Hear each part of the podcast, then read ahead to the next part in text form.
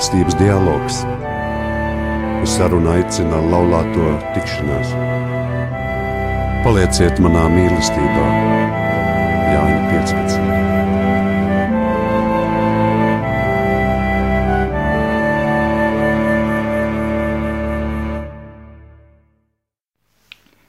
Kristus ir augšām cēlējis. Patiesi augšām cēlies. Mums ir patiesi prieks ar jums atkal tikties šajā lieldienu vakarā. Ar jums atkal kopā ir apvienības laulāto tikšanās raidījums mīlestības dialogs, un mēs, Sigita un Edgars. Joprojām jūs aicinam sarunāties par dialogu un kā tas var palīdzēt uzlabot mūsu laulības dzīves kvalitāti un palīdzēt kontaktēties ar apkārtējo pasauli. Arī mums nākas rēķināties ar apkārt pastāvošo situāciju, tādēļ mēs skanēsim no mājām nedaudz citādi, bet cerams mūs joprojām varēs dzirdēt un saprast. Ir pagājis gavēņa laiks, kas šogad bija īpaši liela pārbaudījuma pilns saistībā ar ārkārtas situāciju visā pasaulē.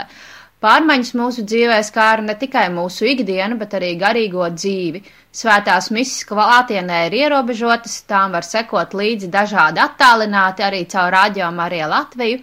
Baznīcas ir atvērts tikai individuālai lūkšanai.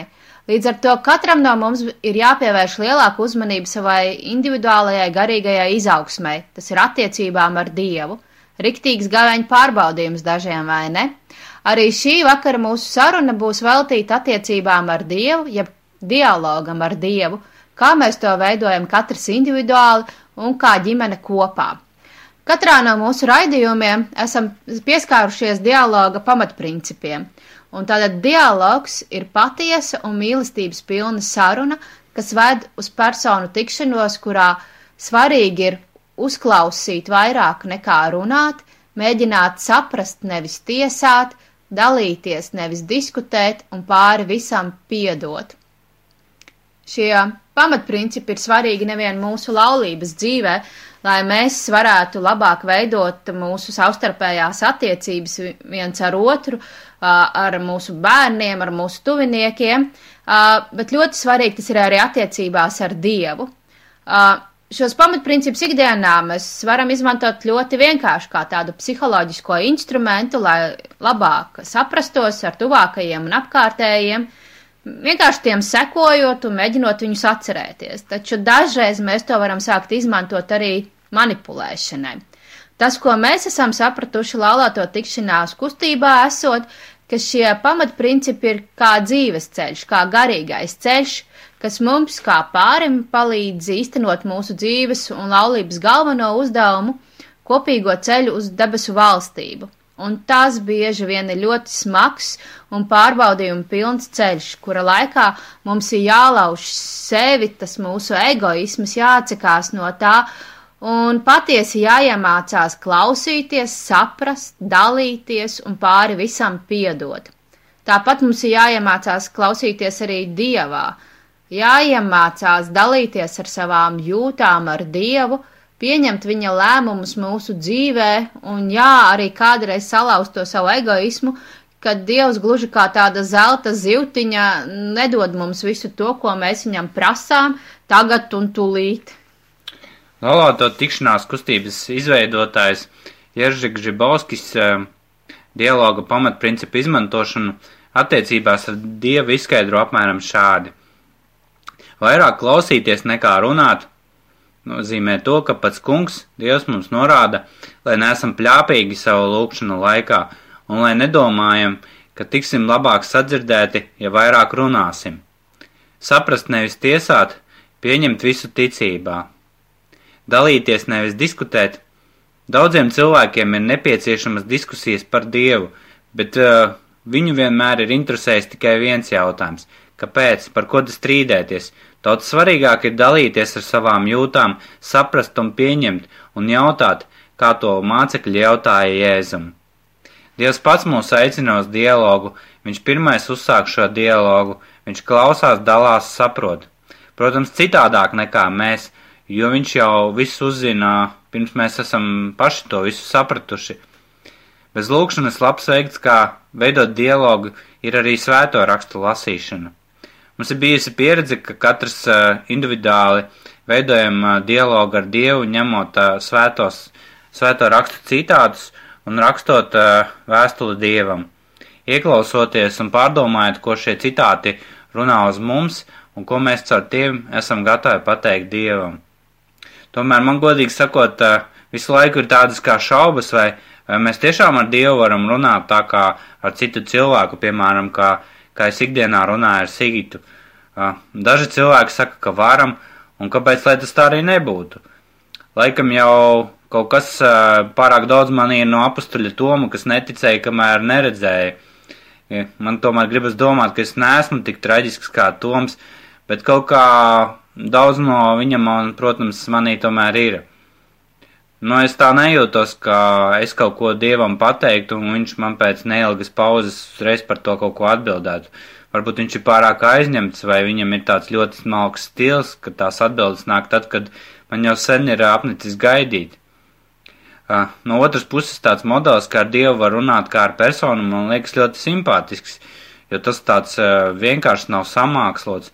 Bet, protams, es to arī nemāku darīt, un man jāatzīst tas, ka, ka arī ar daudziem citiem cilvēkiem es nemāku runāt, un man tas ir jāmācās.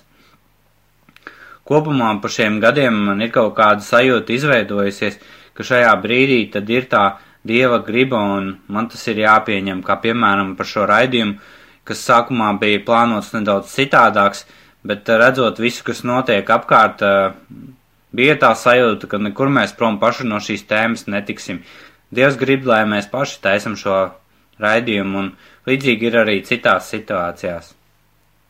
Pastāv viedoklis, ka Dievam ir jāizsaka savas ilmas, ilgas vēlmes un lūkšana nodomi, Lai gan Dievs jau īstenībā redz mūsu sirdis, un tāpēc man šķiet, ka tas vairāk ir svarīgi mums pašiem to visu noformulēt, ko mēs sakam Dievam.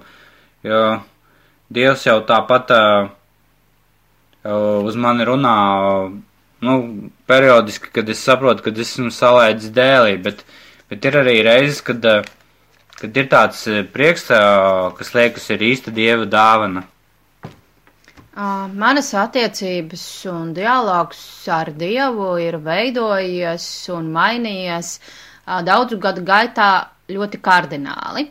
Es sēdienas skolā gāju 90. gadu sākumā. Man bija ļoti konservatīva sēdienas skolas skolotāja. Nu, tā, tam laikam, laikam tipiskā, kas mums bērniem mācīja visas pamatlūkšanas un ka tā ir jālūdz Dievs. Um, kā paklausīgs bērns es to apguvu un pieņēmu, ka tā tam ir jābūt. Uh, Tēvs mūsu, rožu kronis, litānijas, um, jāiet ir uz adorāciju, visi kārtībā. Un tā veidojās mana kristīgā dzīve, jo es apmeklēju tikai vienu draudzi, uh, kas bija, nu, parasta 90. gadu sākuma draudze, konservatīva, un tā bija pareizi. Un līdz pat skolas beigšanas laikam, kad es sāku iet arī uz citām draudzēm, man likās, ka viss ir kārtībā, bet tad, kad es sāku iepazīties ar citiem kristiešiem, kad es sāku skatīties, ka cilvēki citādāk lūdz Dievu, manī sākās kaut kāds tā kā pretrunas, jo man likās, nu kā tā var, nu, tā taču nevar. Un um, tad arī sākās man tāda tā kā ticības krīze, jo man tas viss bija nepieņemami. Un tad, kad es iepazinos vēl ar harizmātiskām draudzēm, tad man likās, ka nu, tā vispār nedrīkst uzvesties. Um, tagad es varu teikt lielu paldies saviem draugiem, kristiešiem un arī priesterim, kas pacietīgi mani uzklausīja un skaidroja, ka mūsu cilvēku attiecības ar Dievu var būt brīvas, tās ir uz mīlestības pamatiem balstītas, ka Dievu var lūgt dažādos veidos un nav tā viena pareizā veida, pie kura vienmēr ir jāpieturās. Tā ir mūsu saruna ar Dievu, tā ir mūsu dvēseles saruna ar savu debesu tēvu, un tur nevar būt mī, bailes, tur nevar būt pareizi vai nepareizi. Tā nav rāmju, un tā ir balstīta uz mīlestību. Varbūt šī te mana ticības krīze bija man vajadzīga, lai es izkāptu no šī te sava bērnības posma un sāktu patiešām mācīties veidot dialogu ar Dievu, lai gan tas nav viegls arī tagad. Es savukārt ilgi dzīvoju Dievu nepazīstot, un uh, tas, kā Man vienreiz vecmāma teica, ka man būtu jāiet uz svētdienas skolu, manī radīja pamatīgas bažas, ka tiešām man būs jāiet, un man tik ļoti to negribējās tajā brīdī, bet, protams, mani neviens uz to nespieda, jo vecāki ticību nepraktizēja, un manā paziņu lokā arī nebija ticīgu cilvēku, man tas vispār viss neinteresēja, un, un tā propaganda, ka baznīca ir slikta uz mani tīri labi darbojās, un, uh, Lai gan jā, jāatzīst, ka īpaši laimīgs es arī nebiju. Un uh, bija visādas morālās problēmas. Es kaut ko meklēju, kur ir patiesība. Protams, es nezināju arī, ko es meklēju. Un, uh, bet es zinu to, ka man bija bail no sektām un kādreiz rādīja pa televīziju dievkalpojumus un, un tur tā viss bija tā, tā ne, man diezgan nepieņemami un Gan es it kā neesmu apzināti viņus skatījos, bet bija tādas bailes, ka ņems un tagad man izskalos smadzenes un atņems man to brīvību.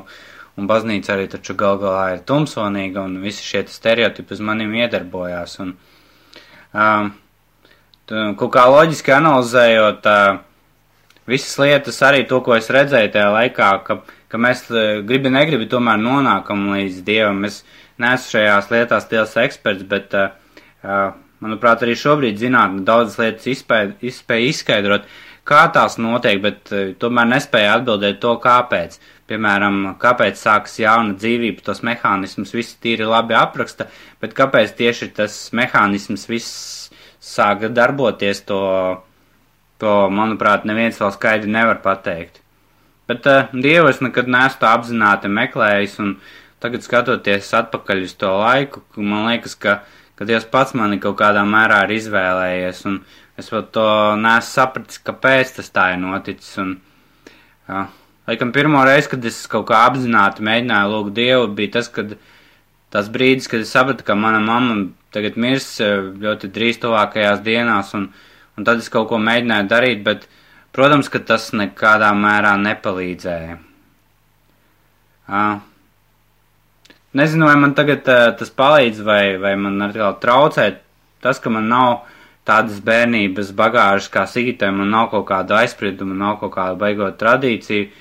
Arī pazi, tikai pēc uh, pazīšanās ar Sigitu es vispār sāku iepazīt baznīcu un, un cilvēkus tajā, un, un uh, tas, ko man, protams, tur ļoti sākumā gribējās redzēt, to, lai tur viss būtu ideāli, tur būtu perfekti cilvēki, lai vienmēr darītu to, ko sludina, un, Protams, es jau pats arī nebiju ideāls, bet no citiem jau gribējās to prasīt. Un, un uh, tad uh, vēlāk jau gan izrādījās, ka baznīcā ir daudz foršu, bet absolūti neideālu cilvēku. Un arī es redzēju to, kā Dievs bieži vien caur viņiem uz mani runā. Un kaut kādi apmēram pēdējie desmit gadi bija man ļoti interesanti. Es esmu uh, vispār mēģinājis saprast, ko es pats gribu šajā dzīvē. Un, un es arī sapratis, ka ka tas teiciens nesaki, nekad nesaki, nekad, nu, absolūti uz mani neatiecās, jo, jo es pat vairs neapņemos kaut ko teikt, ka es noteikti to nedarīšu vairāk nākotnē.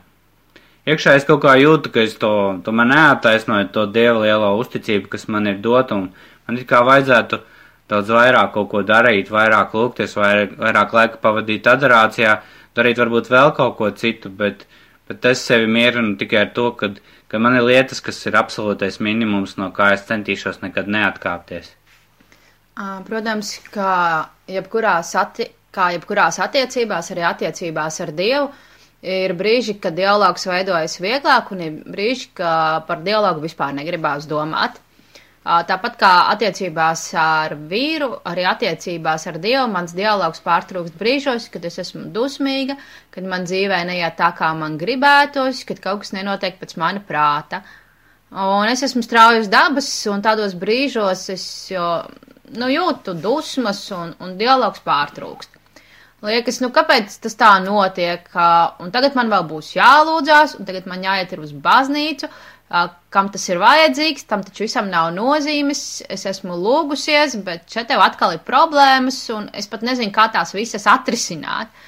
Un tad ir vajadzīgs tas brīdis, kad apstājos, es varbūt aizēju pastaigāties vai klusumā pasēžu, nomierinos un lēnām uzsāku atkal sarunu ar Dievu. Um, dažreiz man ir ļoti svarīgi vienkārši pateikt Dievam, kas man sāp, kas mani neapmierina, un tad es varu aiziet uz grēksūdz, atjaunot attiecības ar viņu, ieklausīties, ko, ko Dievs uz mani runā, un, un kaut kā atkal tikt uz tā pareizā ceļa. Un tas tā kā ģimenes dzīvē no sākuma izplēšas un pēc tam izlīkst.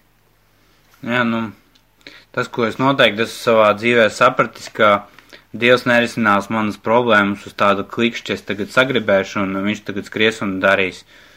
Um, vismaz uh, noteikti tās problēmas, kuras es gribētu, lai viņš tagad tieši tagad ņem un atrisina. Protams, ir arī tādas situācijas, kad uh, daudz kas notiek pilnīgi nepelnīti un notiek brīnumu un viss atrisinās. Tomēr no tā visa es esmu sapratis, ka tā mana attieksme pret Dievu īpaši nemainās. Uh, Un es eh, pēdējā laikā esmu sācis pieņemt to, ka tās grūtības, ar ko es eju, tas ir domāts, lai, lai Dievs mani šķīstītu. Un uh, par šiem gadiem es arī, pateicoties ticībai, esmu ieguvis tādu daudz lielāku mieru. Lietas, par ko es agrāk nervozēju, man, man tagad liekas sīkumi, un, un ir tāda globāla sajūta, ka, ka Dievs visu dos. Un, kad es uh, uzzināju par Avelas Terēzes uh, dvēseles pilī aprakstīto attiecību ar Dievu sadalījumu istabās, uh, jeb līmeņos, kā moderni tagad tas ir dators, datorspēlē, tas tāds ļoti labs salīdzinājums, tas man deva redzējumu arī uz manu turpmāko dzīvi un par to liels paldies priesterim Mārim Ozoliņam. Uh, tad es sapratu, ka, kā, kāpēc es tā jūtos, kad sākumā uh, man bija tāds liels prieks, liels entuziasms un, un es visu, ko varēju darīt, un viss bija tik skaisti. Tad es sapratu, ka es vienkārši esmu kaut kādā pirmajā līmenī, gluži kā datorspēlē. Viss ir vienkārši, nav nekādu sarežģītu situāciju, viss notiek pats no sevis gandrīz vai. Un tad, kad tas uh, eiforijas laiks pagāja, tad sākās visādas grūtības, kas arī tagad, protams, mani nepamet un uh, nav nemaz tik viegli, bet eh, man šīs zināšanas to visu palīdz eh, kaut kā saprast un pārdzīvot, ka tas ir pilnīgi normāla situācija, un eh, man ir paredzami pārbaudījumi, man šķiet, ka es gandrīz vienmēr neizturu šos pārbaudījumus, bet, bet es kaut kā arī sajūtu, ka Dievs neatstāja mani tajos brīžos un dot tādu arī nepelnītu iepriecinājumu. Runājot par eh, lūkšanu, jeb komunikāciju ar Dievu, es saprotu, ka man ir uh, vajadzīgs miers un klusums. Kādreiz varbūt kādi īpaši apstākļi baznīcā adorācijas laikā. Es domāju, tas ir gandrīz visiem tāds, tāda kopīga sajūta.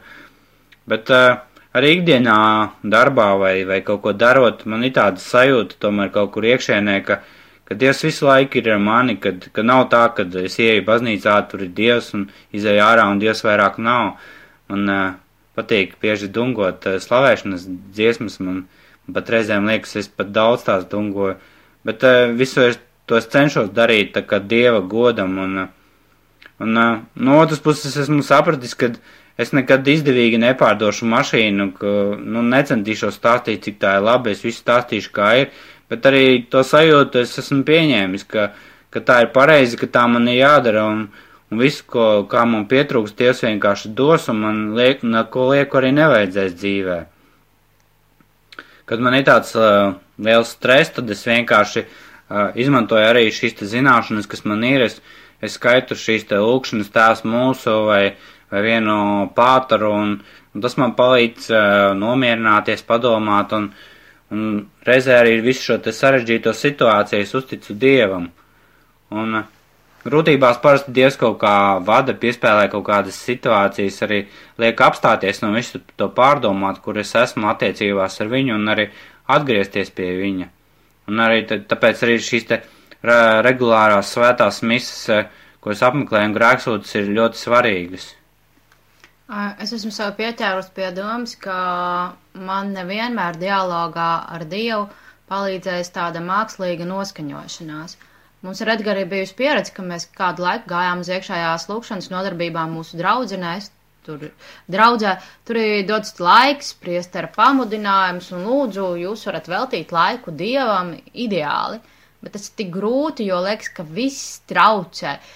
Kāds pakustās solā, aizbrauc mašīna, kāds nošķaudās, un beigās es sapratu, ka man šo te iekšējo lūkšanu ir vieglāk veidot mājās vai kaut kur pie dabas, uh, jo nu, nav tā, tā, tā mākslīgā sajūta, lūdzu, Dievs, es te sēžu, tagad runā ar mani, es esmu gatava tevi uzklausīt, bet tu vienkārši esi un to piedzīvo, un, un tas tā arī palīdz. Tāpat es esmu secinājusi, ka Dievs pats, ja tā var teikt, dod tos spēkus un pamudinājumus izkopt šo dialogu ar viņu, veido mūsu garīgo dzīvi. Arī šogad es jūtu, ka ikdienas lietas mani sāk nomākt, ir nogurums un arī iestājas tāds kā nogurums attiecībās ar Dievu.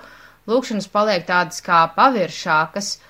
Jā, es lūdzos, bet mana sirds atrodas kaut kur citur. Nu, līdzīgi kā ģimenes dzīvē, kad esam zem viena jumta, ikdienā tiekamies, pat sarunājamies, bet patiesībā sakot, mēs nedzirdam, ne arī manam, kas ar otru notiek.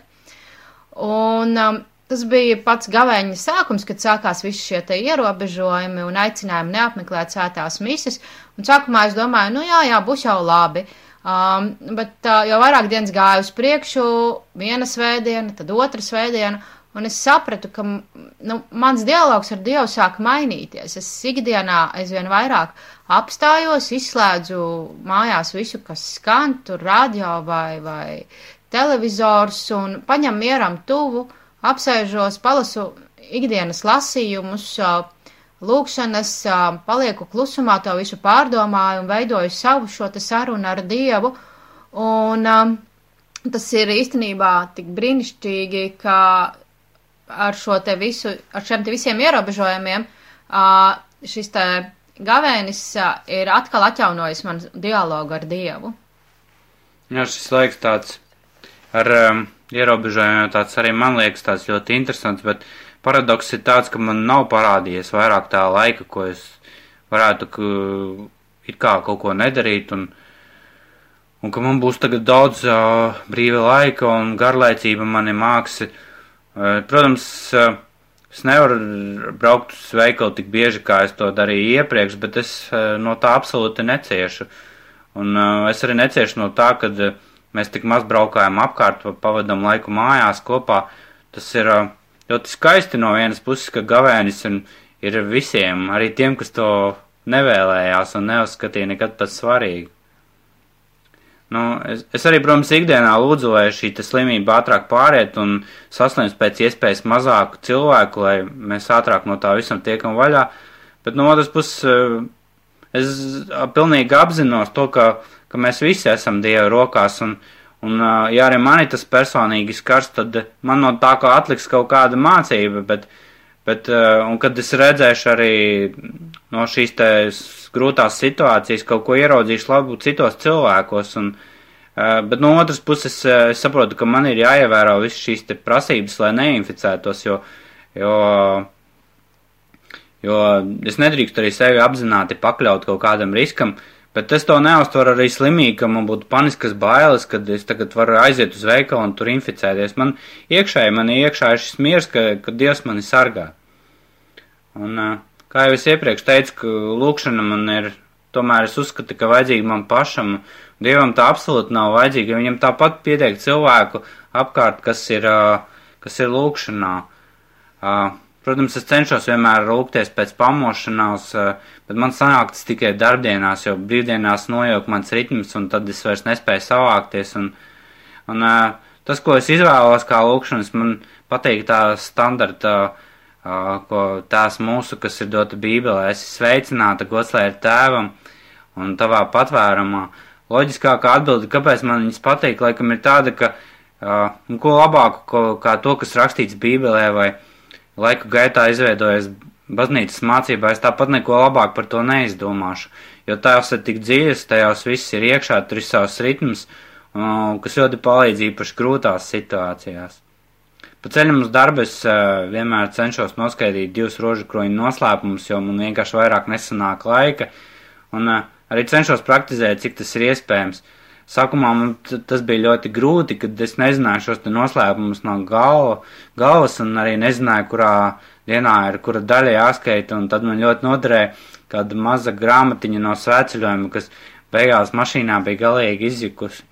Un tagad es jūtos samērā brīvi, ka Kad, ja nu kas notiek, tad, tad man ir tā galvā tā bagāža, man nevajadzēs ķert kaut kādu grāmatu, meklēt tagad kaut kādu maģisko tekstu, ko lūgties. Es zinu, ka es varu izmantot savu lūkšanu, skaitīt rožu kroni vai pātaru, un tam uh, visam nav īpaši liels nozīmes, ko es izvēlēšos, bet es vienmēr būs, būšu gatavs un brīvs uh, šīs te zināšanas lietot. Mēs esam ļoti daudz runājuši, un tagad ir pienākus, pienācis laiks dziesmai, un šoreiz mēs izvēlējāmies uh, vienu skaņdarbu, uh, kas ir lieldienu dziesma, un šī izvēle ir tāda tādēļ, ka mums vienkārši šī dziesma ļoti, ļoti patīk un liekas pacelājoša. Cerams, ka jums arī patiks.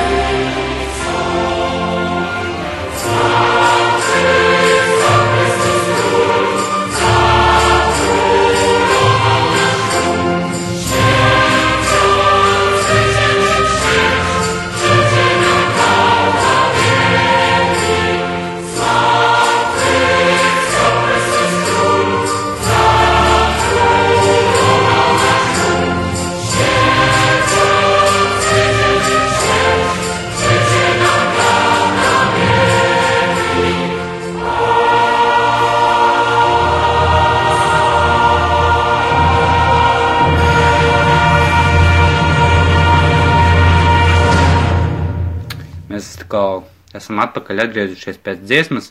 Šis joprojām ir uh, laulāto tikšanās apvienības raidījums mīlestības dialogs, un uh, šeit uh, esam mēs, Edgars un Sigita. Šovakar mēs turpinām runāt par uh, tēmu dialogs ar Dievu un kā tas veidojas mūsu ģimenē. Māte Terēze savulaik ir teikusi, ka ģimene, kas lūdzas kopā, paliek kopā. un pāvests Francisks savā pamudinājumā ģimenē mīlestības līksmē teicis, ja ģimene koncentrējas uz Kristu, viņš vieno un izgaismo visu ģimenes dzīvi. Ciešanas un problēmas tiek dzīvotas kopībā ar kunga krustu, un viņa apskāviens ļauj izturēt vissmagākos brīžus. Ģimenes nebaltajās dienās, vienotībā ar Jēzu, kurš bija visu atstāts, var paglābt no šķiršanās. Tā ģimenes ar svētā gara žēlastību, caur kopīgu dzīvi, maz pamazām tuvojas svētumam, piedalot, piedaloties arī Kristus krusta noslēpumā, kas grūtības un ciešanas pārveido mīlestības upurī. Citāta beigas. Jā. Tāpat pāvests uh, mīlestības līksmē norāda lūkšanas nozīmību un aicina katru ģimeni, lai tā atvēl savu laiku lūkšanai ikdienā. Lūkšanas ģimenē ir īpašs veids, kā izpaust un nostiprināt šo paschālo ticību. Var taču atrast pāris minūtes dienā, lai vienotos un nostātos eh, dzīvā kunga priekšā. Pastāstītu viņam par savām rūpēm, lūgtos par ģimenes vajadzībām, lūgtos par kādu, kurš piedzīvo grūtus brīžus, lūgtu kungam palīdzēt mīlēt, pateiktos viņam par dzīvi un labo, lūgtu jaunavai Marijai, lai viņa būdama māte, ņem savā aizsardzībā Šādi lūkšanas mirkļi pavisam vienkāršiem vārdiem var nest ģimenē daudz laba. Dažādas tautas dievbības izpausme ir garīguma bagātību krātuve daudzām ģimenēm. Kopējo lūkšanu ceļu vainago kopējā piedalīšanās Euharistijā, īpaši saistībā ar svētdienas atpūtu. Kad mēs salālājamies, nebija tā, ka mēs kļuvām par tādu paraugu kristiešu ģimeni. Nu, tādi mēs neesam arī tagad. Mēs tikai mācāmies iet šo kristīgo ceļu kopā. Sākotnēji mūsu laulībā nebija regulāri kopīgi baznīcas apmeklējumi, un noteikti nebija nekas tāds, ko varētu saukt par kopīgu lūgšanu. Es bieži vien lūdzos viena pati, Dievu priekšā nesot tos nodomus, kas skar arī mūsu ģimeni. Kad mūsu laulībā sākās sarežģījumi, es sāku veltīt savus lūgšanas tieši šim nodomam, Lūdzos gan ar saviem vārdiem, gan sāku meklēt dažādas lūkšanas, litānijas, novenas, kuras lūdzos šai mūsu nodomā. Un tad vienā brīdī es tā bailīgi Edgaram ierosināju, ka man te ir tāda vienā novena, nu, deviņu dienu lūkšana, vai viņš būtu ar mieru, ka nākamās deviņas dienas mēs kopā to palūgtos. Es nezināju, kāda būs viņa atbilde, jo patiesībā mēs savā starpā dialogu par ticības jautājumiem un lūkšanām nekad nebijām veidojuši. Nu, tā bija lieta, par ko mēs vispār mūsu ģimenē nerunājām. Un man par lielu brīnumu Edgars piekrita. Deviņas dienas pagāja, mēs kopā lūdzāmies, un viss. Viss atkal atgriezās ierastajās sliedēs, es lūdzos viena pati. Kādreiz man pievienojās Edgars, bet nu, tas nebija nu, ne nopietni, ne arī regulāri, vienkārši kā gadījās. Es toreiz laikam padomāju, ka deviņas dienas es gan jau ka izturēšu. Bet, kā jau teicu agrāk, tad man tas viss bija nesaprotams un arī likās nevajadzīgs, un attiecība ar Dievu man arī nebija. Nu, priekš kam tad man lūkšana, tīri dabiski rodas man šāds jautājums. Bet uh, viss mūsu ģimenē sākās apmēram tā, ka ka pirms gadiem, gadiem sešiem jau aizbraucām mēs uz misiju svēdi, sestdienā, kad, kad aizkrauklē spēlēja jaunieši, un viņi kā toreiz muzicēja ļoti skaisti, un sanāca tā, ka mums bija jāuzkavējas nedaudz ilgāk, jo mēs apsolījām, ka pāris jaunieši ir jāaizved mājās. Un pēc misijas bija vēl sadraudzības vakars, un uh, tieši tas bija pirms gavēņa, un, un viņi visi tā drosmīgi izteica dažādas gavēņa apņemšanās. Un par cik mēs arī tur bijām, mums uh, bija, bija tāda iespēja, un, un arī mēs uh, izteicām šīs te apņemšanās uh, diezgan spontāni. Iepriekš es par to nebiju domājis, bet nu, tad ātri tajās minūtēs es formulēju. Domas bija dažādas, bet es apņēmos, nu, ka es dzeršu tēju un kafiju bez cukura gavēnī un, un dienā lūkšos uz vienu rožu kroņa noslēpumu. Tā mēs arī sākām. Tajā brīdī es nolēmu Super, es varētu Edgaram pievienoties. Turklāt um, man kā sievietē bija jau tāds viltīgs plāns, ka mēs varētu lūgties ne tikai šo vienu noslēpumu, bet mēs varētu lūgties jau visu to roškroni. Uh, un tad um, varētu pievienot vēl citus nodomus arī par mūsu ģimeni. Un um, tas gavēns ir beidzies, arī šī gada gavēns ir beidzies, bet šī ikvakara lūkšana ir palikusi kopā ar mums un pateicība Dievam par to. Jā, tagad mēs šīs te lūkšanas eh, kopīgās bieži vien iz, izmantojam ļoti tā, tā praktiski, ja mums ir radušās kādas grūtības eh, vai priekšā ir kāds izaicinājums, eh, tad mēs to liekam mūsu kopīgajā lūkšanā. Savulaik mums bija konflikts ar vienu cilvēku, kuram mēs it kā vienkārši aizrādījām, bet tad pēkšņi kļuvām par ļaunam iemiesojumiem un vairāk kā dzirdējām par sevi tādus nevisai glaimojušus komentārus. Tas bija ļoti nepatīkami un cilvēcīgi gribējās aizstāvēties uh, pret šādiem te uzbrukumiem un pierādīt, ka mums taču ir taisnība un mēs esam balti un pūkaini un ka, ka tas cilvēks rīkojas nepareizi, bet mēs uh, to, ko mēs domājam, nu kāda no tā visa jēga, ka mēs to konfliktu sāsināsim un, un vienkārši lūdzāmies par šo cilvēku un vienkārši likās, ka pēc mūsu kristīgās nostājas tas arī tas pareizākais ceļš.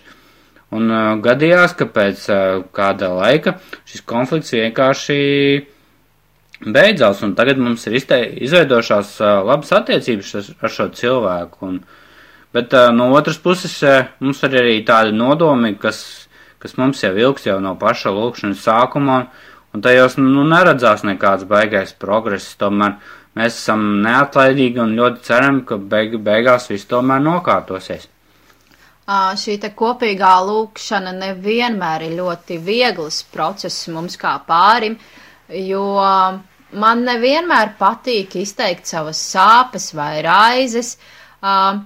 Edgaram tā patiešo, bet ja es to uzticu tā kā dievam lūkšanā, tad tas man palīdz arī veidot dialogu ar Edgaru. Un iespējams jau nebūtu šī mūsu kopīgā lūkšana, man nebūtu tik viegli veidot dialogu savukārt ar Edgāru par kādu nepatīkamu situāciju, jo kā tad es viņam tā, nu, apsēdīšos pretīm un teikšu visu, kas man ir uz sirds, jo man, man ir bailes, ka viņš mani nesapratīs. Uh, visgrūtāk mums ir vienoties kopīgā lūkšanā brīžos, kad uh, starp mums ir kāds strīds vai kādas neizrunātas problēmas.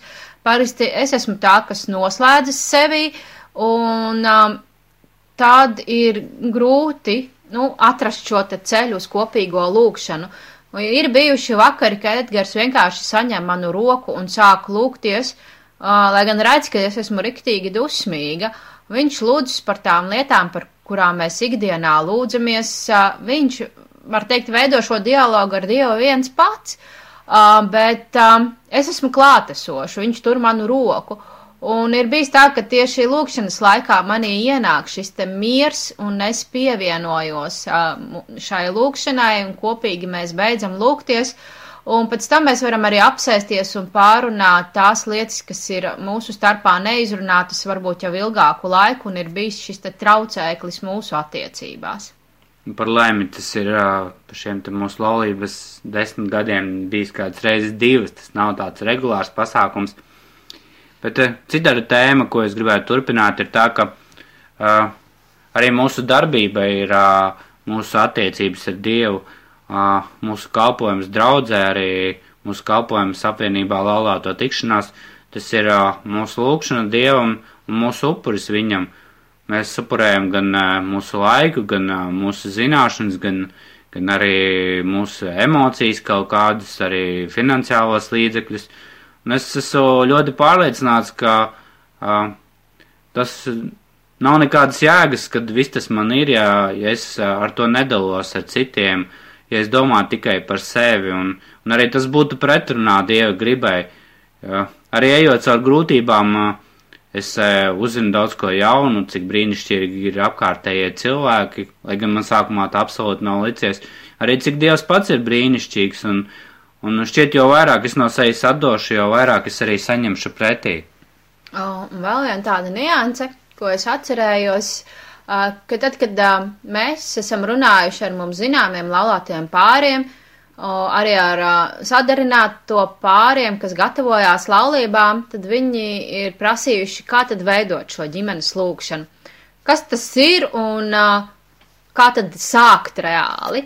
Protams, katrai ģimenei tā būs citādāka, jo mēs esam atšķirīgi, atšķirās arī laiks, ko mēs varam atvēlēt lūkšanai. Mums šī lūkšana ir veidojusies vairāku gadu garumā, un tā katru vakaru nebūtu nav vienāda. Pamatā ir viens noteikums lūgties. Parasti mēs sākam ar to, ka mēs pateicamies Dievam par šo dienu, par visu labo, varbūt arī sāpīgo, kas mums ir bijis, prieki, pārdzīvojumi. Man tas ir liels izaicinājums atrast kaut ko labu, ja diena nebūtu man nav likusies patīkama, bet es vienalga meklēju, kas ir bijis tas labais, ko Dievs man ir iedevis. Um, pēc pateicības mēs izsakam dažādus, dažādus tos lūgumus Dievam, kas skar gan mūsu ģimeni. Mēs lūdzamies viens par otru, mēs lūdzamies par mūsu tuviniekiem, krustbērniem, par priesteriem, kurus pazīstam, par mūsu kustību, kurā darbojamies, par kaut kādām aktuālām lietām. Uh, aizlūdzam arī par tiem, kas varbūt ir nākuši pie mums un, un lūguši, lai mēs palūdzamies. Un um, mums patīk pēc katra šī lūkšana, uh, uh, lūgties, lūkšana tēvs mūsu, un uh, beigās mēs parasti visu šo te mūsu kopīgo lūkšanu beidzam ar lūkšanu tavā patvērumā, jo mums abiem tā ir ļoti tuva. Uh, bet uh, Ja mēs braucam kādus lielākus ceļa gabalus, pat ja mašīnā ir līdzi kādi citi līdzbraucēji, mēs lūdzamies rošu kroni, kuru bieži vien dziedam, un tas mūs stiprina un dod spēkus. Bet ir arī vakari, kad mēs esam ļoti, ļoti pārguruši, kad esam vēlu mājās, vai diena ir bijusi ļoti piesātināta, mēs esam kādā braucienā, tad vienalga mēs pirms paša miega uzticam un pateikt, pateicamies Dievam par šo dienu un, un noskaitām vismaz vienu tēvs mūsu. Un parasti mēs pārējiem sakam, ka tas ir veids, kā mēs lūdzamies. Uh, un mēs sakam, ka nevajag uzstādīt uh, mērķi katru vakaru lūgties rožkroni, jo, nu, nu, sākumā tas var likt, varbūt arī par traku kādai ģimenei, jo vienkārši neatradīsies laika, visi ir aizņemti darbos, un tad vienu vakaru atliksies, otru vakaru, un atkal tā lūkšana pazudīs. Savukārt apņemšanās ir vienkārši kāds mirklis kopā un kopā visiem, arī ar bērniem palūkties tēvs mūsu, tas neprasīs daudz laika, un, un to var mēģināt ieviest kā savu tradīciju, un ar laiku tas jau izaugs par daudz lielāku un skaistāku lūkšanu, un um, visi būs apmierināti un nekurnēs. Tas arī lielos vilcienos ir viss, ar ko, jums, ko vēlējāmies ar jums padalīties. Uh, Novēlam jūs vienmēr meklēt Dievu un runāt ar viņu, un galvenais centies saklausīt viņu katrā īpaši grūtā situācijā. Šis e, bija apvienības laulāto tikšanās raidījums mīlestības dialogs. Aicinam arī jūs ikdienā veidot uh, vienam ar otru dialogu, apmeklēt mūsu organizētās rekolekcijas mazās grupas, kas gan nedaudz ir pieturētas šo te ierobežojumu dēļ. Informācija par tām var atrast mūsu mājaslapā laulātiem.lv vai arī uh, mūsu Facebook lapās. Ja jums ir kādi jautājumi vai vēlaties ieteikt mums tēmu, par ko mēs varētu parunāt un jūs vēlētos dzirdēt mūsu raidījumā, tad rakstiet mums savas idejas Facebookā vai uz e-pasta adresi laloto.tikšanās at gmail.com.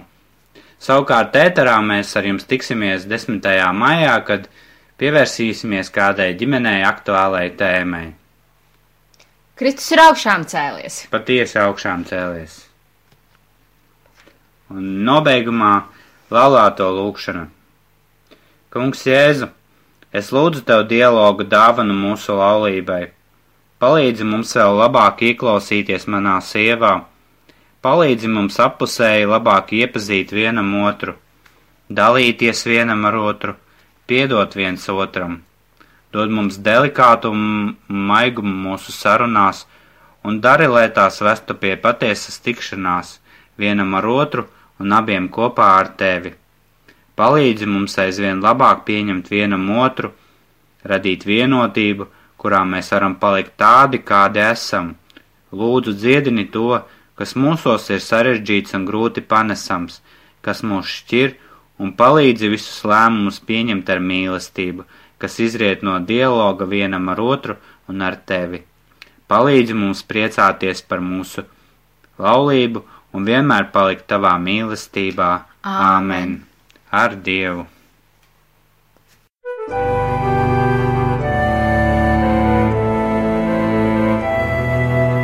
Mīlestības dialogs. Uz sarunu aicina laulāto tikšanās. Palieciet manā mīlestībā, Jāņa 15.